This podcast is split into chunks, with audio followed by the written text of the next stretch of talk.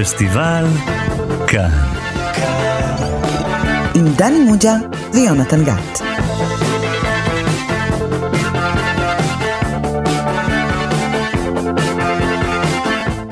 שלום לכם, אתם איתנו בפסטיבל כאן, תוכנית הקולנוע הייחודית של תאגיד השידור הציבורי. אני יונתן גת, ומולי יושב כרגיל ראש המחלקה לקולנוע בבית ברל, הלו הוא דני מוג'ה. היי דני. היי, ג'וני. דני, לכל הרוחות והשדים, אתה מוכן לגלות לנו על איזה סרט אנחנו הולכים לדבר היום? אולי אנחנו צריכים קודם כל לגרש ממך את הרוחות והשדים. כדי לדבר על הסרט הזה? There are no experts. You probably know as much about possession as most priests. Look, your daughter doesn't say she's a demon. She says she's the devil himself. I'm telling you that that thing upstairs isn't my daughter. Now, I want you to tell me that you know for a fact that there's nothing wrong with my daughter except in her mind.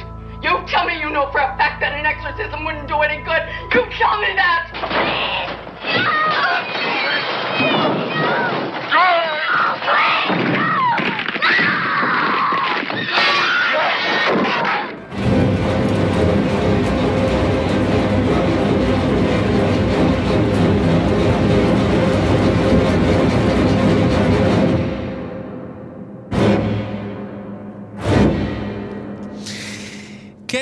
יפה, היה רמז טוב. שמענו קטע מתוך הסרט מגרש השדים של ויליאם פרידקין משנת 1973. דני מוג'ה, אני בדרך כלל שואל בתחילת כל תוכנית, איזה שד נכנס בך שהחלטת לבחור בסרט שעליו אנחנו מדברים כל פעם? אבל הפעם יש לנו סיבה מאוד מוצדקת למה לעסוק בסרט אה, מגרש השדים, תשאל למה? מדוע? יפה ששאלת בנוסח הנכון. והתשובה היא שמאזין קבוע שלנו בשם אבי אבוטבול ביקש, ביקש, אמר, חבר'ה, למה עד היום לא הקלטתם תוכנית על מגרש השדים? והוא צודק, ולכן אנחנו שמחים על הבקשה שלו, ואנחנו גם מקדישים לו את התוכנית. ועכשיו הייתי מצפה ממך, כשד משחת, שתבצע לנו תקציר, אם אפשר שיהיה אפוף ברוחות, אם אפשר שיהיה מעניין. וכמובן שבסוף לא נצטרך לגרש אותך מהאולפן. אתה יודע מה זה שד משחת? מה זה השחת בשד משחת? שחת זו החיטה כמובן. לא במקרה הזה. במקרה הזה, שחת הוא השאול. השד אה, מן השאול. והסרט אוקיי. הזה עוסק באמת בשדים מן אז השאול. בוא אני אשים לך מוזיקה של השאול, ותוכל לתת לנו את התקציר.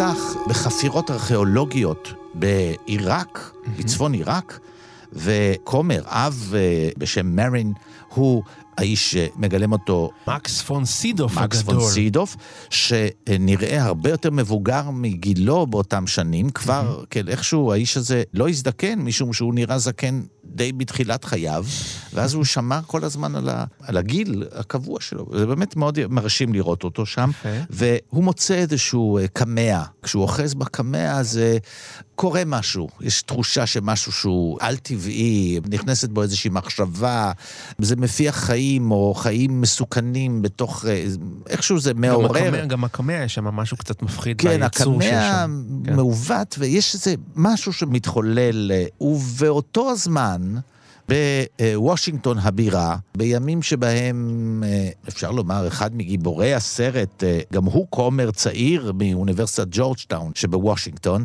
הוא מתחיל לפקפק, באמונה שלו מתערערת, והוא מתמודד עם מחלה של אימו, הוא באמת במין איזושהי... האב קרס, כן, הוא, הוא, הוא ממוצא יווני, מגולם הוא- על ידי ג'ייסון מילר.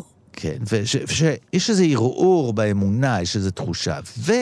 ועניין נוסף שמתרחש באותו זמן, שחקנית אה, שמשתתפת בסרט שמצולם באותו זמן, שעברה לגור בסביבה, כי היא מצטלמת בסרט אה, שבו היא מחכבת, הבת שלה מתחילה להתנהג באופן מוזר.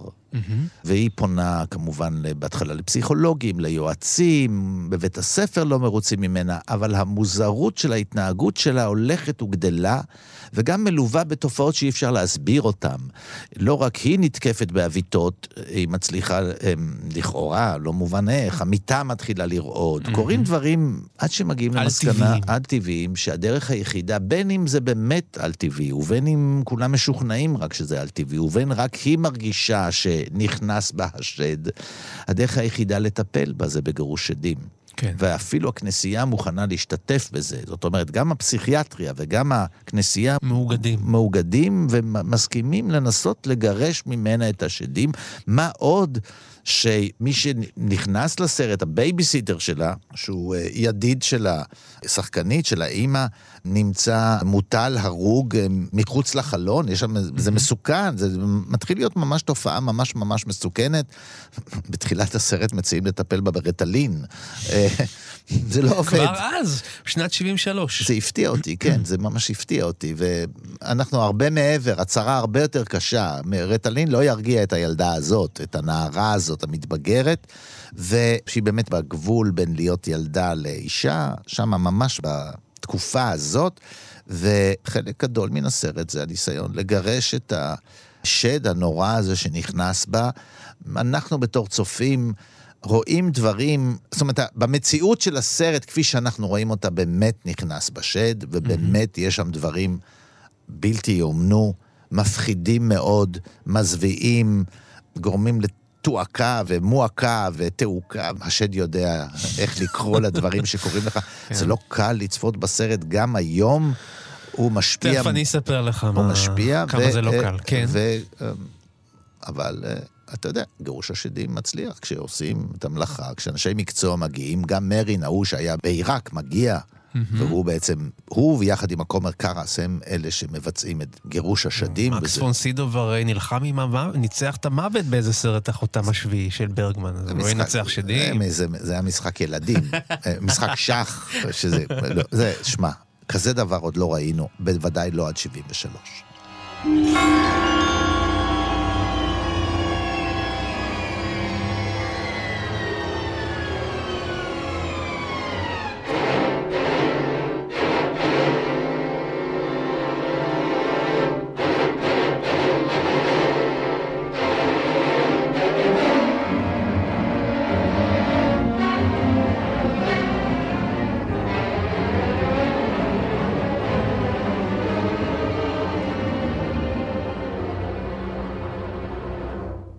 סיפרת את התקציר בצורה כזאת שהקפאה לי שד כאן באולפן. או-אה, או-אה. אבל תגיד, למה בעצם עד היום, עברו המון שנים, עברו כמעט 50 שנה מאז, ובכל זאת, כשמדברים על הסרט אימה, על שדים ורוחות וכדומה, איכשהו הסרט הזה תמיד קופץ כאילו איזה אב טיפוס. למה זה בעצם? זה לא הסרט, סרט האימה הראשון, אבל בהחלט. זה סרט שהעלה מדרגה אל הקולנוע הלגיטימי, הקולנוע הרציני, הקולנוע שאפשר לדבר עליו. תראה, זה ז'אנר שנחשב נחות עד אז. האימה. כן, ז'אנר האימה הוא מהנחותים יותר, אתה יודע. סרטי בי מוביז. כן, אבל אתה יודע, בי מוביז היו מערבונים שמערבונים, לא היו סרטי אימה איי מוביז, בוא נאמר ככה, כן? אה, אה, זה אחד הראשונים. כן. הוא לא הראשון, אבל וויליאם פרידקין מביים אותו ככה, הוא מביים אותו ברצינות. הוא לא מבוים בזול, הוא מבוים ברצינות, אה, אה, באופן, הקולנוע מדבר, גם כן? שחקן רציני, מקס פון סידוב זה אחד השחקנים הגדולים ביותר של הקולנוע האירופאי. יש פה שחקנים רציניים, יש פה עבודת צילום ועריכה וטכנולוגיה חדישה, אבל תשמע, אני רואה שאתה עדיין אחוז פלצות. כן, לגמרי. ואני, כדי לחלץ אותך מן הפלצות הזאת, והאימה. והאימה, הבאתי מגרש שדים משלי. מקצועי? משלי. אהה. ואני מציע לך לדבר איתו. תפנה אליו, כן. והוא יעזור לך להבין את התעלומה.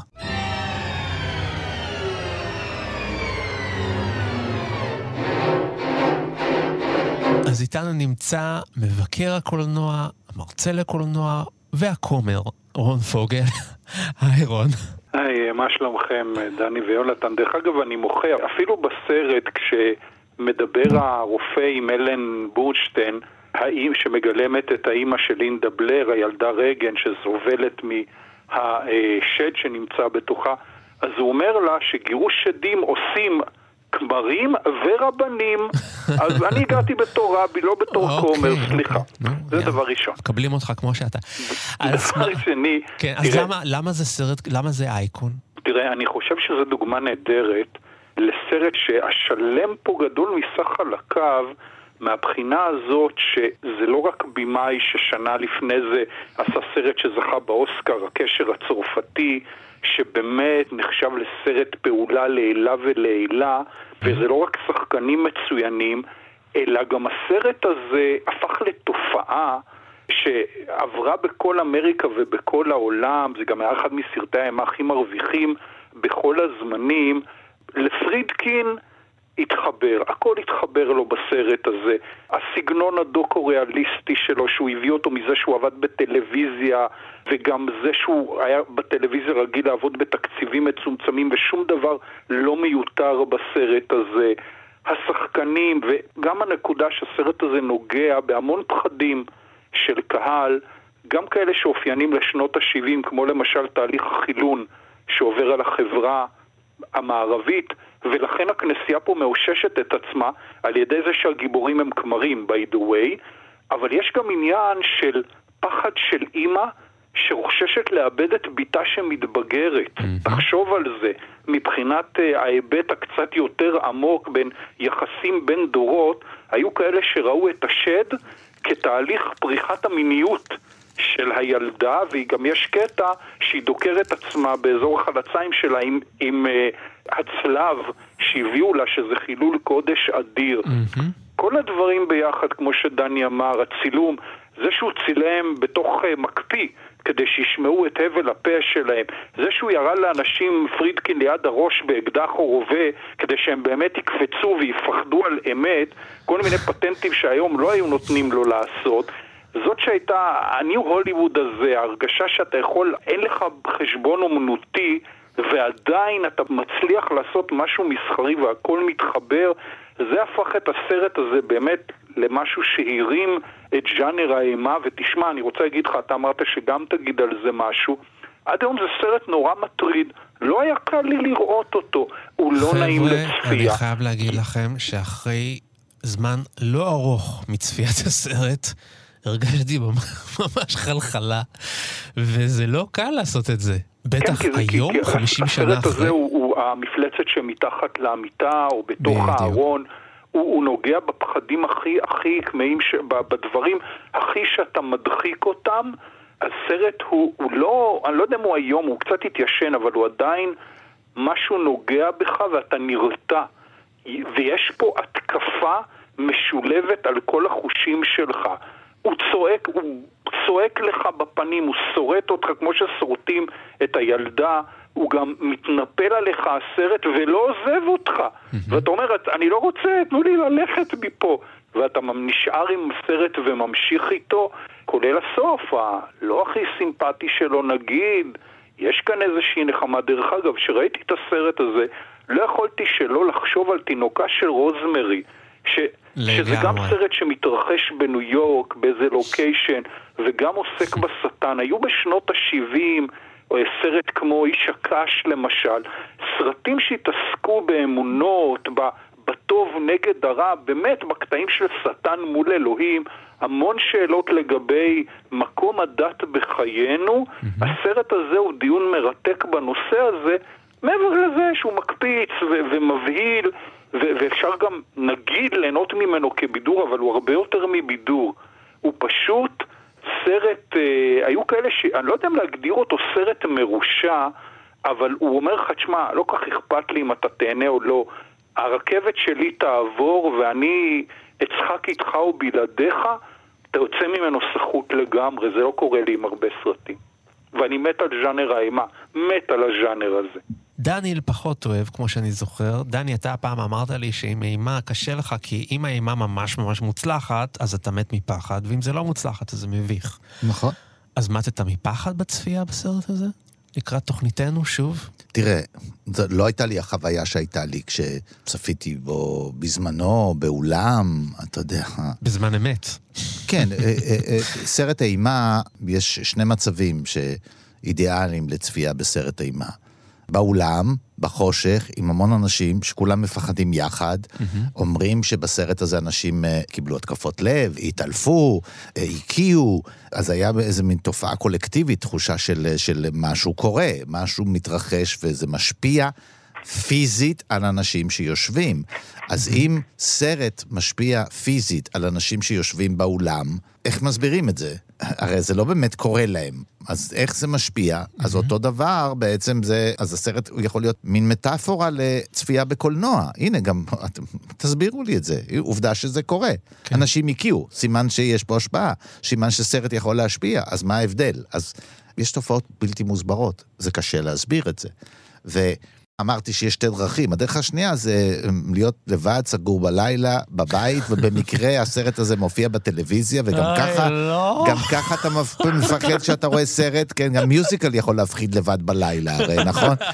אז, אז, אז, אז, אז, אבל עכשיו זה היה תנאים כאלה בחצי אור, ו, וגם מתוך התבוננות רטרוספקטיבית. אני חשבתי שסרטים כאלה כבר לא יכולים להפחיד אותי. ובצפייה חוזרת פשוט אה, הבנתי כמה אני טועה. תראה, מה מפחיד באמת? אבל למה זה מפחיד אותנו, שדים ורוחות לא אמורים להפחיד אותנו יותר? מה שמפחיד זה, אז איך תסביר את מה שאתה רואה? זאת השאלה. העניין הוא ככה, אתה רואה משהו שאין לו הסבר, כן. ומחפשים את ההסבר. וההסבר הוא, יש פה כאילו שלוש רמות. ברמה הראשונה, טוב, האמא, המשפחה, הקרובים, עוד לפני הרמה הראשונה המקצועית, ואז הולכים לפסיכולוג. כן. יש פה איזו תופעה, יש פה ילדה אה, צועקת, אה, רועדת, עוברת כל מיני, הולכים לפסיכולוג. לא עובד. אז עוברים אה, לרפואה. מנסים בדרך של הנוירולוגיה, יש פה איזו בעיה עצבית, כן, קצרים חשמליים, משהו קורה במוח, מחפשים את זה שם, ולא מוצאים. ואז הולכים לפסיכיאטריה. ואז uh, מתחיל עידן התרופות. כן, אנחנו בעידן שמנסים תרופות. אז אמרתי, מציעים לרטלין. לא עובד. אל תציעו לי, די, התרופות האלה, תנו משהו. החוסר אונים של האימא שרואה שהילדה הזאת נעלמת לה, נשמטת לה מתחת ידיה, זה פחד שיש לכל אימא וכל אבא. ואין. הסבר, אין הסבר. ונוסף על זה, זה מתחיל להיות מסוכן. לה ולסביבתה. יש פה, הסביבה, כן, זאת אומרת, אנשים מתחילים להיפצע ולמות בסביבה שלה. כן. כשאתה חסר אונים, כשאתה, אנחנו מכירים את זה גם פה. אנחנו מכירים את זה בסביבה שלנו. כשאנשים נעלמים ומחפשים, ואנשים אחרים מחפשים אותם, הם יכולים להיות החילונים הכי גדולים.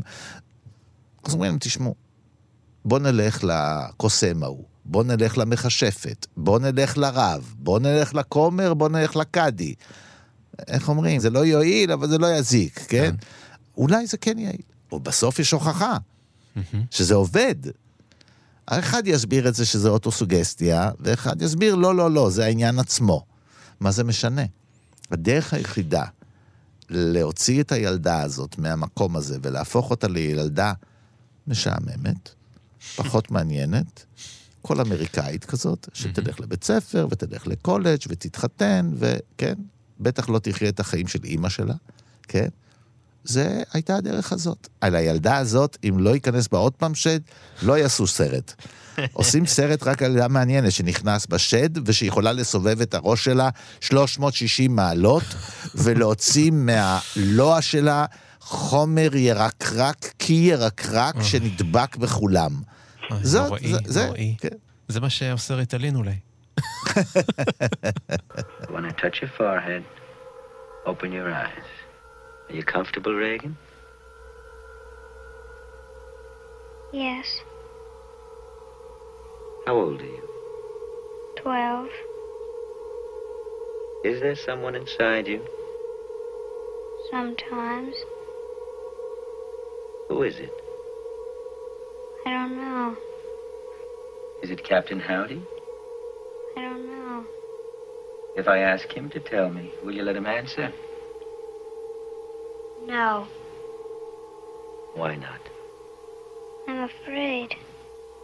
If he talks to me, I think he'll leave you. Do you want him to leave you? Yes, I'm speaking to the person inside of Reagan now. If you are there, you too are hypnotized and must answer all my questions. Come forward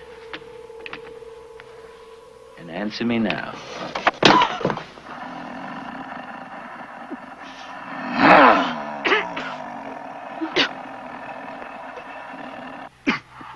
The person inside of Reagan?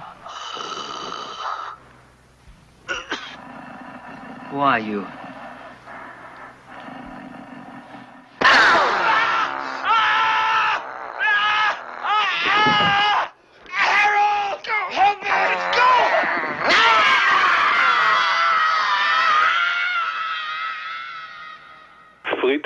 יצא לי לראות כיתת אומן שלו בפסטיבל כאן לפני שנתיים. הוא אדם מאוד שכלתן, הוא אדם מבריק.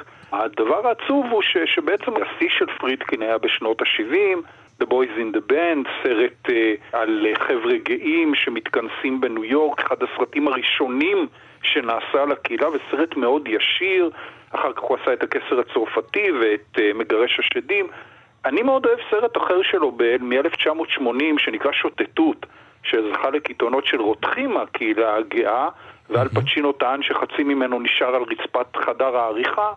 בעיניי זה גם סרט מטריד שאני, קשה לי לצפות בו, אבל אחר כך הוא לא, לא הסתדר יותר מדי וזיגזג בין סרטים מביכים לסרטים בינוניים. אבל כמו שאני אומר, ונורא מעניין, יש סרט יהודי שהיה בפסטיבל חיפה, שבו הוא מספר על תהליך הפקת הסרט, ואיך באמת הוא חיפש את המנגינה ומצא את המוזיקה המצמררת הזאת של מייק אולדפילד, שאותי מצמררת ואני מת על מייק אולדפילד, ואיך הוא באמת תפלל את השחקנים שלו כדי שהם יוציאו מעצמם אה, הופעות, ודרך אגב, מה שמוסיף לאמינות, הרבה פעמים בסרטי אימה המשחק הוא איום ונורא. ואלה הרבה פעמים שחקנים סוג זין. אבל כאן, אלן בורשטיין ומקס פונסידו, ובאמת עושים... לי ג'יי קוב הנפלא משחק את מפקח המשטרה, אפילו הדמות שלו היא נהדרת בעיניי בסרט, ואין לו כזה תפקיד גדול. ולינדה בלר, אחרי זה אודישנים, ושהיו שם אלפי ילדות, אז היא נבחרה וכנראה סבלה מנזק לכל החיים בעקבות מה שהוא העביר אותה הבמאי בסרט. וזה באמת, כמו שדני אמר, הוא מבוים מאוד במקצועיות, מאוד ביסודיות, הרבה יותר ממה שהיה מקובל בסרטי אימה, ביחד עם הפעלולים וביחד עם, ה... שוב, הדיון המעניין הזה בכנסייה, בשלטון הדת, ואני רק מזכיר לכם שהרי מה, מה עושה רע לערפדים? שגם אתה מניף מולם צלב ושופך עליהם מים קדושים. כמו שפה יש מים קדושים בתהליך גירוש השדים. היו טענות שסרטי הפדים אומנו על ידי הכנסייה כדי שנמשיך להיות נוצרים נאמנים. כן. וגם הסרט הזה עוסק בדבר הזה, הכל ביחד. באמת התבשיל כאן הוא, הוא יוצא דופן לתקופתו. מאז ז'אנר האימה, במיוחד בשנים האחרונות, חדר מאוד לקונסנזוס ועשו סרטים כאלה ואחרים. דרך אגב, נעשו שני סרטי המשך, שני פריקוולים, נעשו עוד הרבה סרטים מאז את גירוש שדים וכולי. בכל מיני קונסטלציות, זה המקור, ו- ומהבחינה הזאת הוא, הוא, הוא מרתק, ובאמת סרט מטריד לחלוטין. Hello, Reagan. I'm a friend of your mother's. I'd like to help you. You want to loosen the straps, son? I'm afraid you might hurt yourself, Reagan. I'm not Reagan. I see.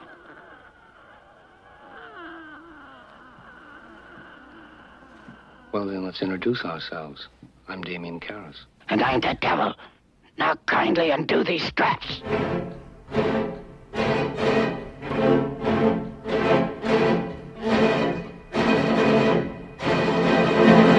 אני לא יודע אם אתם זוכרים, אבל הייתה תקופה כזאת, אני חושב שזה היה אז, כשאני הייתי ילד קטן, זה היה, איך קראו לזה? ערוצי זהב? שהיה פעם, הכבלים של פעם. פעם זה היה ערוצי זהב, נכון? היו, תלוי איפה גרת. זה היה מפוצץ בסרטי אימה, בלי סוף. כל לילה היו מפוצצים שם, והסרטים היו מבוססים שדים. שמישהו נכנס בו שד, מכל מיני וריאציות ומכל מיני סוגים. וזה לא עבד. המון וריאציות שלא עבדו. תראה, הסרט הזה לוקח את הנושא הזה ברצינות. באמת ברצינות. הוא, הוא, כמו שאמרתי, הוא מתייחס למשהו שהוא לא, לא, לא מובן. הוא עושה את זה לא רק באמצעות העלילה שאומרת, אנשי מקצוע אומרים, טוב, בואו נלך לגירוש עדים, זו הדרך היחידה אולי לטפל בילדה הזאת, ונתעלם מן האמת העמוקה. מה זה משנה? אנחנו עוסקים בסימפטום, ולא מש- אכפת לנו מה האמת. בואו ננסה לשחרר את הילדה האומללה הזאת, וגם להגן על הסביבה שלה. אבל איך, האופן שזה בו נעשה, זה נעשה באלגנטיות. זה קשה לדבר על אלגנטיות וסרט אימה, זה נעשה באמת באלגנטיות. תחשוב, הסרט הזה נעשה שבע שנים לפני הניצוץ.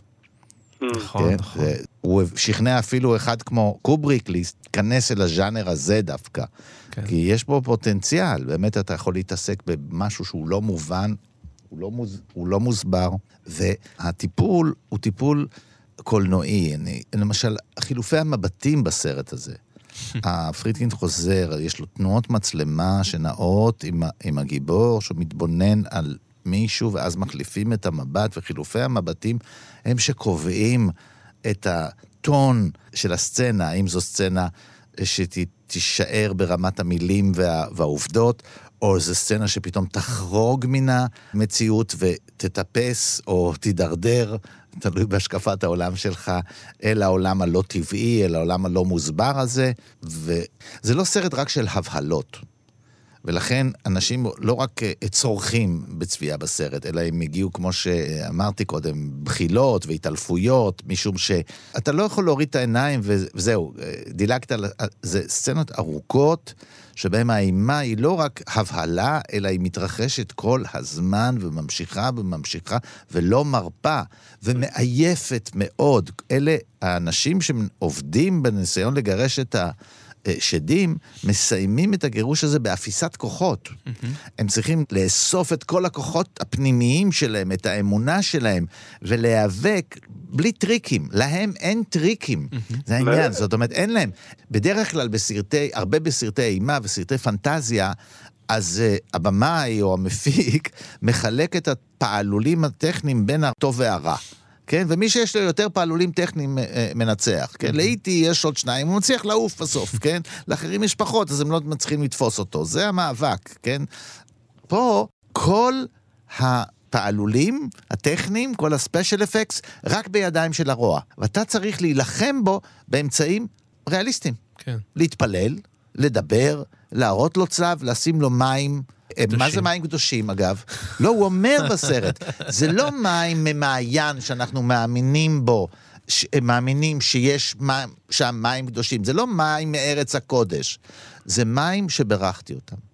הוא אומר, יש בדיוק את השאלה הזאת, מה זה מים קדושים? הוא אומר, ברכה. ברגע שנתתי ברכה, אני הענקתי להם משהו סימבולי. זה כמו היין, וה, ה, ה, ה, היין והלחם, שהם, כן, זה הגוף שלי, זה, זה הדם שלי. כולם יודעים שזה לא הגוף, זה הדם, שזה מטאפורה, זה, זה סמל, כן? וגם זה פה לא זה... הגוף ולא הדם לא, של ישו. לא, לא, ואם אני מאמין בזה, אז אולי יש לזה השפעה, זה כמו פלסיבו, כן? הפלסיבו... לפלסיבו יש אחלה כוח.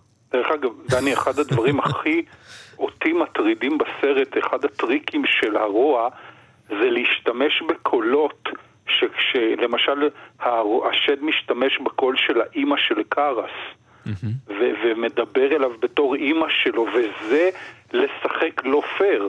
זה באמת uh, התמודדות כאילו לא שווה. והוא אומר, אתה לא אימא שלי, אתה לא אימא שלי, מנסה להבהיר לעצמו מול מה הוא מתמודד, והכומר uh, מרין אומר לו, אל תקשיב לו, וכולי, וזה עובד. העסק הזה עובד ומטריד ומלחיץ ומבהיל. אבל זה לא מה שאומר גם הפסיכולוג, כשמישהו בא ואומר לו, תשמע, או הפסיכיאטר, כשהוא אומר לו, אני מתחיל, אני ניגש למבחן, ו- ועוד לפני המבחן, אני כל הזמן אומר לעצמי, אתה תיכשל, אתה תיכשל, אתה תיכשל. אז הפסיכולוג אומר לך, בוא נמצא דרך לא להקשיב לקול הזה שבך. כן, זה עוד אישיות שבתוכה, זה לא... אז הוא לא משתמש במושג זה שד, הוא לא משתמש במושג זה כוח שנכנס בך, זה משהו, כן, אבל... זה חלק ממך שאתה צריך להגיד לו, אל תקשיב לו, כן? או מישהי פעם אמרה לי, מה שצריך להגיד לאנשים זה stop it. מספיק, לך מפה. לגרש את השד הזה, לגרש את, ה, את המטרידן הזה, זה מין מטרידן פנימי, כן? Mm-hmm. מה קורה בסרט אימה שמאמץ גם את האפשרות שאולי זה באמת כל האקטיביזם, זה שהמציאות שמסביב, כן, בעיניים שלנו אנחנו רואים, בשלב מסוים אנחנו רואים, המיטה באמת מרחפת. המיטה באמת מרחפת, וההסבר בסוף הוא לא, אה, זה היה טריק קולנועי. אבל יש רמז אחד שאולי הכל קולנוע. כן, יש איפה? רמז. עם אצל לי ג'ייקוב, שהוא מזמין אותם כל הזמן לראות סרטים, את החבר'ה, את הכמרים. הוא כל הזמן, נכון. די.ג'יי קובס, שזה באמת מוכיח איזה תפקיד הוא עושה. תפקיד הוא, הוא נפלא. עושה- הוא עושה תפקיד, אתה יודע, הוא מזכיר יותר בלש, אה, את מגרי הצרפתי מבלשים נכון, אחרים. נכון. כאילו, הוא כבד גוף, הוא לא יודע, אם יהיה עכשיו מרדף, הוא בטח לא יוכל לרדוף אחרי ה... אה, כן, זה לא, זה לא בלש בצעירותו, זה בלש אורסון וול כבד. קצת. כן, ניגש, מסתכל, חושד, מזמינים אותו לכוס קפה, הוא מיד אומר, כן, בטח. הוא פה, הוא פה, הוא פה בשביל לשבת, בשביל לשאול, בשביל לחקור, בשביל לנסות להבין, הוא מבין שיש פה איזה סיפור לא פשוט, הוא מפענח הרבה דברים, אבל כמו שאתה אומר, הוא מזמין כל הזמן, הוא מחפש חברה, הוא די בודד, כאילו, והוא מקבל כרטיסים בגלל הג'וב שלו, כן. הוא מקבל כרטיסים לסרטים, לפרמיירות, ול... והוא מזמין, הוא כל פעם מנסה להזמין כומר הזה. וכל... אבל כשהוא מתאר את הסרטים, אתה לא יודע אם הוא מטומטם או שהוא עובד על הכמרים האלה, כי הוא אומר להם צירופים שבלתי אפשריים, כן, הוא אומר לו שם של סרט אה, מתח, ומלהק אותו עם שחקנים של קומדיה. אתה אומר, רגע, הוא ממציא את זה? כדי לבדוק אם הכומר בכלל מבין, או שהוא פשוט לא יודע שום דבר. אבל זה אומר, כן, בסך הכל אולי זה, אולי זה הכל, זה סרט. חברים, זה סרט. כן, זה הכל. Holy Lord, Almighty Father, everlasting God, and Father of our Lord Jesus Christ, who once and for all consigned that fallen tyrant to the flames of hell, who sent your only begotten Son into the world to crush that roaring lion, hasten to our call for help, and snatch from ruination and from the clutches of the noonday devil this human being made in your image and likeness. Strike terror, Lord, into the beast, now laying waste your image. Let your mighty hand cast him out of your servant, Reagan Therese McNeil, so he may no longer hold captive this person, it pleased you to make in your image, and to redeem through your Son, who lives and reigns the unity of the Holy Spirit, God, forever and ever. Amen. Oh Lord, hear my prayer. Call the carriage.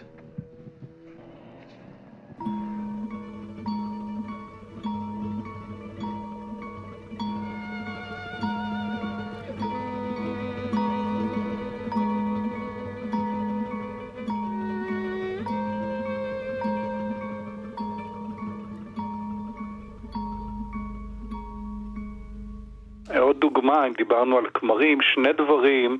קודם כל, או שזה רק נדמה לי, אבל עוד פעם, בתור הכמר, הכמרים הם כאן הטובים, התיק שלהם הזכיר לי תיק של רופא. נכון. עם וזאת אומרת הסוגר שהם הזה, עם מסדרים הכפתור את הזה. הדברים, הם דואגים לבריאות הציבור באיזשהו מקום. נכון, הם זה נראה כאילו עוד שנייה הם הולכים להוציא...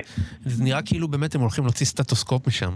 תראה, הוא, הוא גם כל, הוא גיבור כל אמריקאי כזה, כי למשל כשהבלש, אה, החוקר, אה, בא לפגוש את הכומר, אז איפה הוא פוגש אותו? הוא פוגש אותו בסצנה שאנחנו מכירים מהקולנוע האמריקאי, רץ באצטדיון הספורט של אה, האוניברסיטה.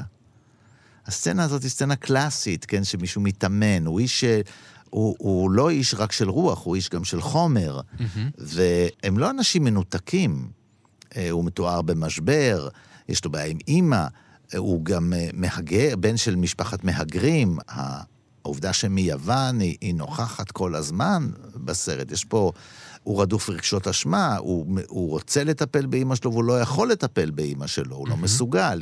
יש דרמה, מלודרמה משפחתית. שנמצאת בתוך הסרט אחרת, כי כמו שהוא הולך ומאבד את אימא שלו, פה יש אישה שהולכת ומאבדת את הבת שלו. מהדהדים שני הסיפורים האלה. כן. יש לו קושי מאוד גדול, אתה יודע, זה כמו שאומרים, אה, הוא יודע לטפל בכולם, אבל הוא לא יודע לטפל בעצמו ובמשפחתו.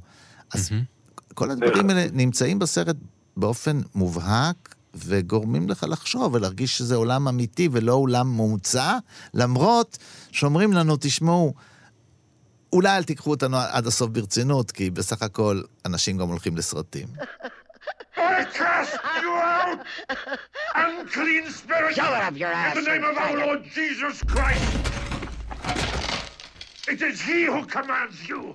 He who you from the heights of heaven to the depths of hell! Fuck him! Be gone! Fuck him, Garrus! From Fuck this him. creature of God!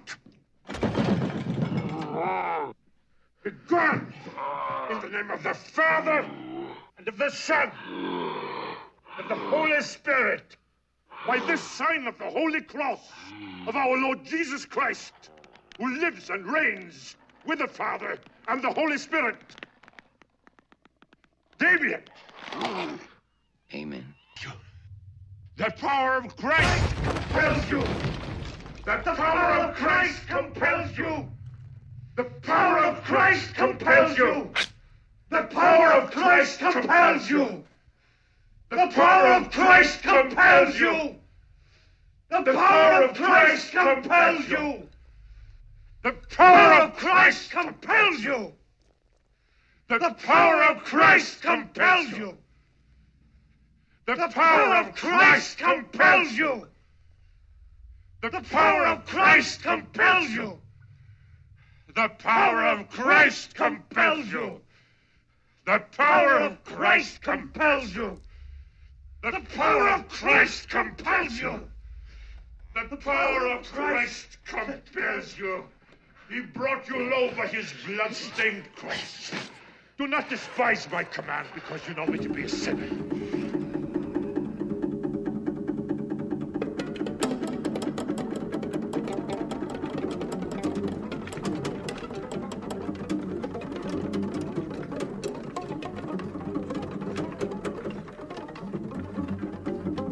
דבר נוסף שרציתי להגיד לגבי הכמרים, הכומר בסוף שאומר לו אם חטאת ופשעת עכשיו תגיד לפאדר, אה, לאב דמיאן בסוף, אה, הוא, אני חושב שהוא בחיים כומר אמיתי, והוא אמר לפרידקין, שמע, אני לא יכול לבכות בסצנת סיום, אני לא שחקן. פרידקין אמר לו, אין בעיה. הסתובב, חזר, נתן לו סטירה מצלצלת. ההוא, התחילו לרדת לו דמעות מרוב המכה, הוא אמר לו, עכשיו מצלמים. אגב, אנחנו חייבים להגיד משהו לגבי השחקן, מקס פון סידוב, שנפטר לפני שנה, באמת, השמונה במרץ, זה תאריך הפטירה שלו. הוא נפטר בגיל 90, ומעניין מאוד, הוא עשה יותר מ-150 סרטים בחייו. מעניין מאוד הוורסטיליות של האיש הזה, שהיה באמת השחקן הבולט של אינגמר ברגמן כמובן, הופיע אצלו באינסוף סרטים. כמובן, החותם השביעי, ששם הוא מופיע כאביר שלוחם נגד המוות במשחק אינטלקטואלי של שחמט. כשראיתי שוב את הסרט בשביל להתרענן, כי לא ראיתי אותו באמת הרבה מאוד שנים, קצת התכווץ לי הלב על זה שמקס פון סידוב משחק בסרט אימה כזה, כי זה נראה לי כאילו לא מהז'אנר שלו, לא מהתחום שלו. ואז נזכרתי שהוא עשה הרבה דברים. הוא מופיע גם אצל אודי אלן, בחנה ואחיותיה. הוא הופיע בעוד הרבה מאוד דברים. הוא פרס אה, את הכנפיים שלו על כל רחבי הז'אנרים האפשריים. יונתן, הוא שיחק בקונן המשמיד את המלך. ואחר כך נזכרתי שהוא גם שיחק במשחקי הכס. הוא שיחק גם בדוח מיוחד את הרשע, והוא שיחק אה, אפילו בג'אדג' דום עם סטלון, גם כן ראש מערכת מושחת, אה, מעניין. כן. והיה המספר החיצוני בצנטרופה של לארס פון טריאר. אז הוא באמת מגוון. צנטרופה אגב... זה אירופה, סרט כן, אירופה. כן, בארץ קוראים לזה אירופה. בכל אופן, תראה, הוא רצה לצאת מהסביבה הקרובה השוודית, וחיפש קריירה מעבר לים, ולצערו, בשנים הראשונות הוא באמת קיבל תפקידים כאלה של זרים, אתה יודע, כשמישהו מגיע בגלל המבטא. בגלל הצבע העור והשיער והבלונד. בכל אופן, הוא היה שם, הרבה ביקרו אותו על זה, שהוא, אתה יודע, רוצים לשמור את הפרח הזה של הקולנוע האינטלקטואלי האומנותי, והוא שיחק בכל מה שהציעו לו, פשוט הציעו לו והציעו לו והציעו לו. במשך הרבה שנים הוא חי בצרפת, אה, בין השאר... בגלל ענייני מס הכנסה, הוא עדיף לחיות בצרפת ולא בשוודיה וכולי וכולי. ומעניין שהוא נפטר, את המגפה בחותם השביעי הוא ניצח. את המגפה האמיתית ב-1958 של אה, אינגמר ברגמן. אבל בשנה של המגיפה העולמית הוא, הוא נפטר, אבל לא, אבל לא מהמגיפה. כן, אתה יודע, הוא לא היה ילד כבר. נכון, הוא היה בן 90, נכון. ובכל זאת, איכשהו, הוא לא נפגע. למרות שהוא שיחק בכל מיני טרש ושטויות. איכשהו התדמית שלו, לפחות בעיניי, תגידו לי את דעתכם, עדיין הוא השוודי האציל, בכיר שחקניו של אינגמר ברגמן. אבל גם קצת אפשר- נאצים. נכון, יש בו תחשוב על משהו שאטר קצת... איילנד. נכון, יש בו משהו קצת מהטייפקאסט הנאצי, אבל עדיין יש בו, אין, אין מה לעשות. כשאתה שחקן של ברגמן, אתה יכול אחר כך לספוג הכל. הקולנוע הרוויח ממגרש השדים. הסרט הזה באמת הפך ז'אנר יחסית נחות ללגיטימי. הוא קידם את ז'אנר האימה שהיום הוא ז'אנר לחלוטין בקונסנזוס, והקולנוע הזה מאפשר לנו להרחיב את המעטפת, לבטא הלכי רוח בחברה כאלה ואחרים, ולקחת אותנו לאסקפיזם ברמה כזו או אחרת. טוב שנוצר מגרש השדים.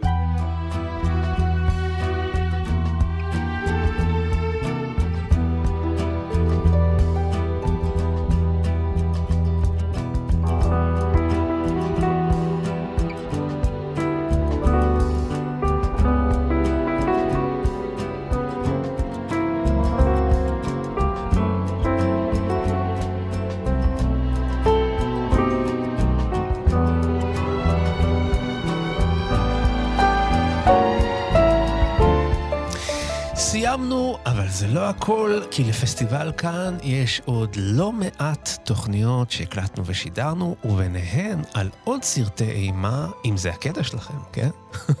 הקלטנו ושידרנו סרטים בין היתר על שתיקת הכבשים, שזה יותר כיוון המתח, אבל גם לא מעט סצנות אימה. וכמובן גם על פרויקט המכשפה מבלר, ועל הניצוץ של סטנלי קובריק. כל התוכניות נמצאות שם בהסכת פסטיבל כאן, אתם נכנסים לכל אפליקציית פודקאסטים שאתם רוצים, מחפשים את התוכנית שלנו וכל התוכניות יחכו לכם שם. אנחנו רוצים להודות לטכנאי שרון לרנר, לעורכת הטכנית המצוינת שלנו, חן עוז. אנחנו רוצים להודות גם לאבי שמאי ולצח סלוצקי שהביאו אותנו לשידור, ולכומר המושיע של התוכנית, שהוא מבקר הקולנוע שלנו והמרצה לקולנוע רון פוגל. תודה רבה שהיית איתנו. תודה רבה, דיבוק צא. אנחנו כבר יוצאים מהתוכנית מהאולפן.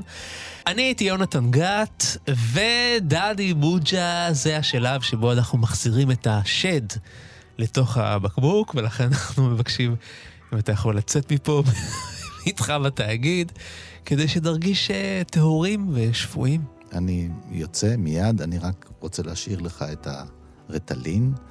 קח לך את הרטלין, אולי זה יאפשר לך להיות עם ראש מקובע ולא, שלא מסתובב כמו עכשיו 360 מעלות, כי זה לא טוב להקלטות. טוב, אנחנו נחזור, אנחנו נשתדל לחזור לאולפן הזה משוחררים מכוחות אפלים גם בשבוע הבא, עם התוכנית הבאה של פסטיבל כאן. תודה רבה לכם, ביי ביי. להתראות.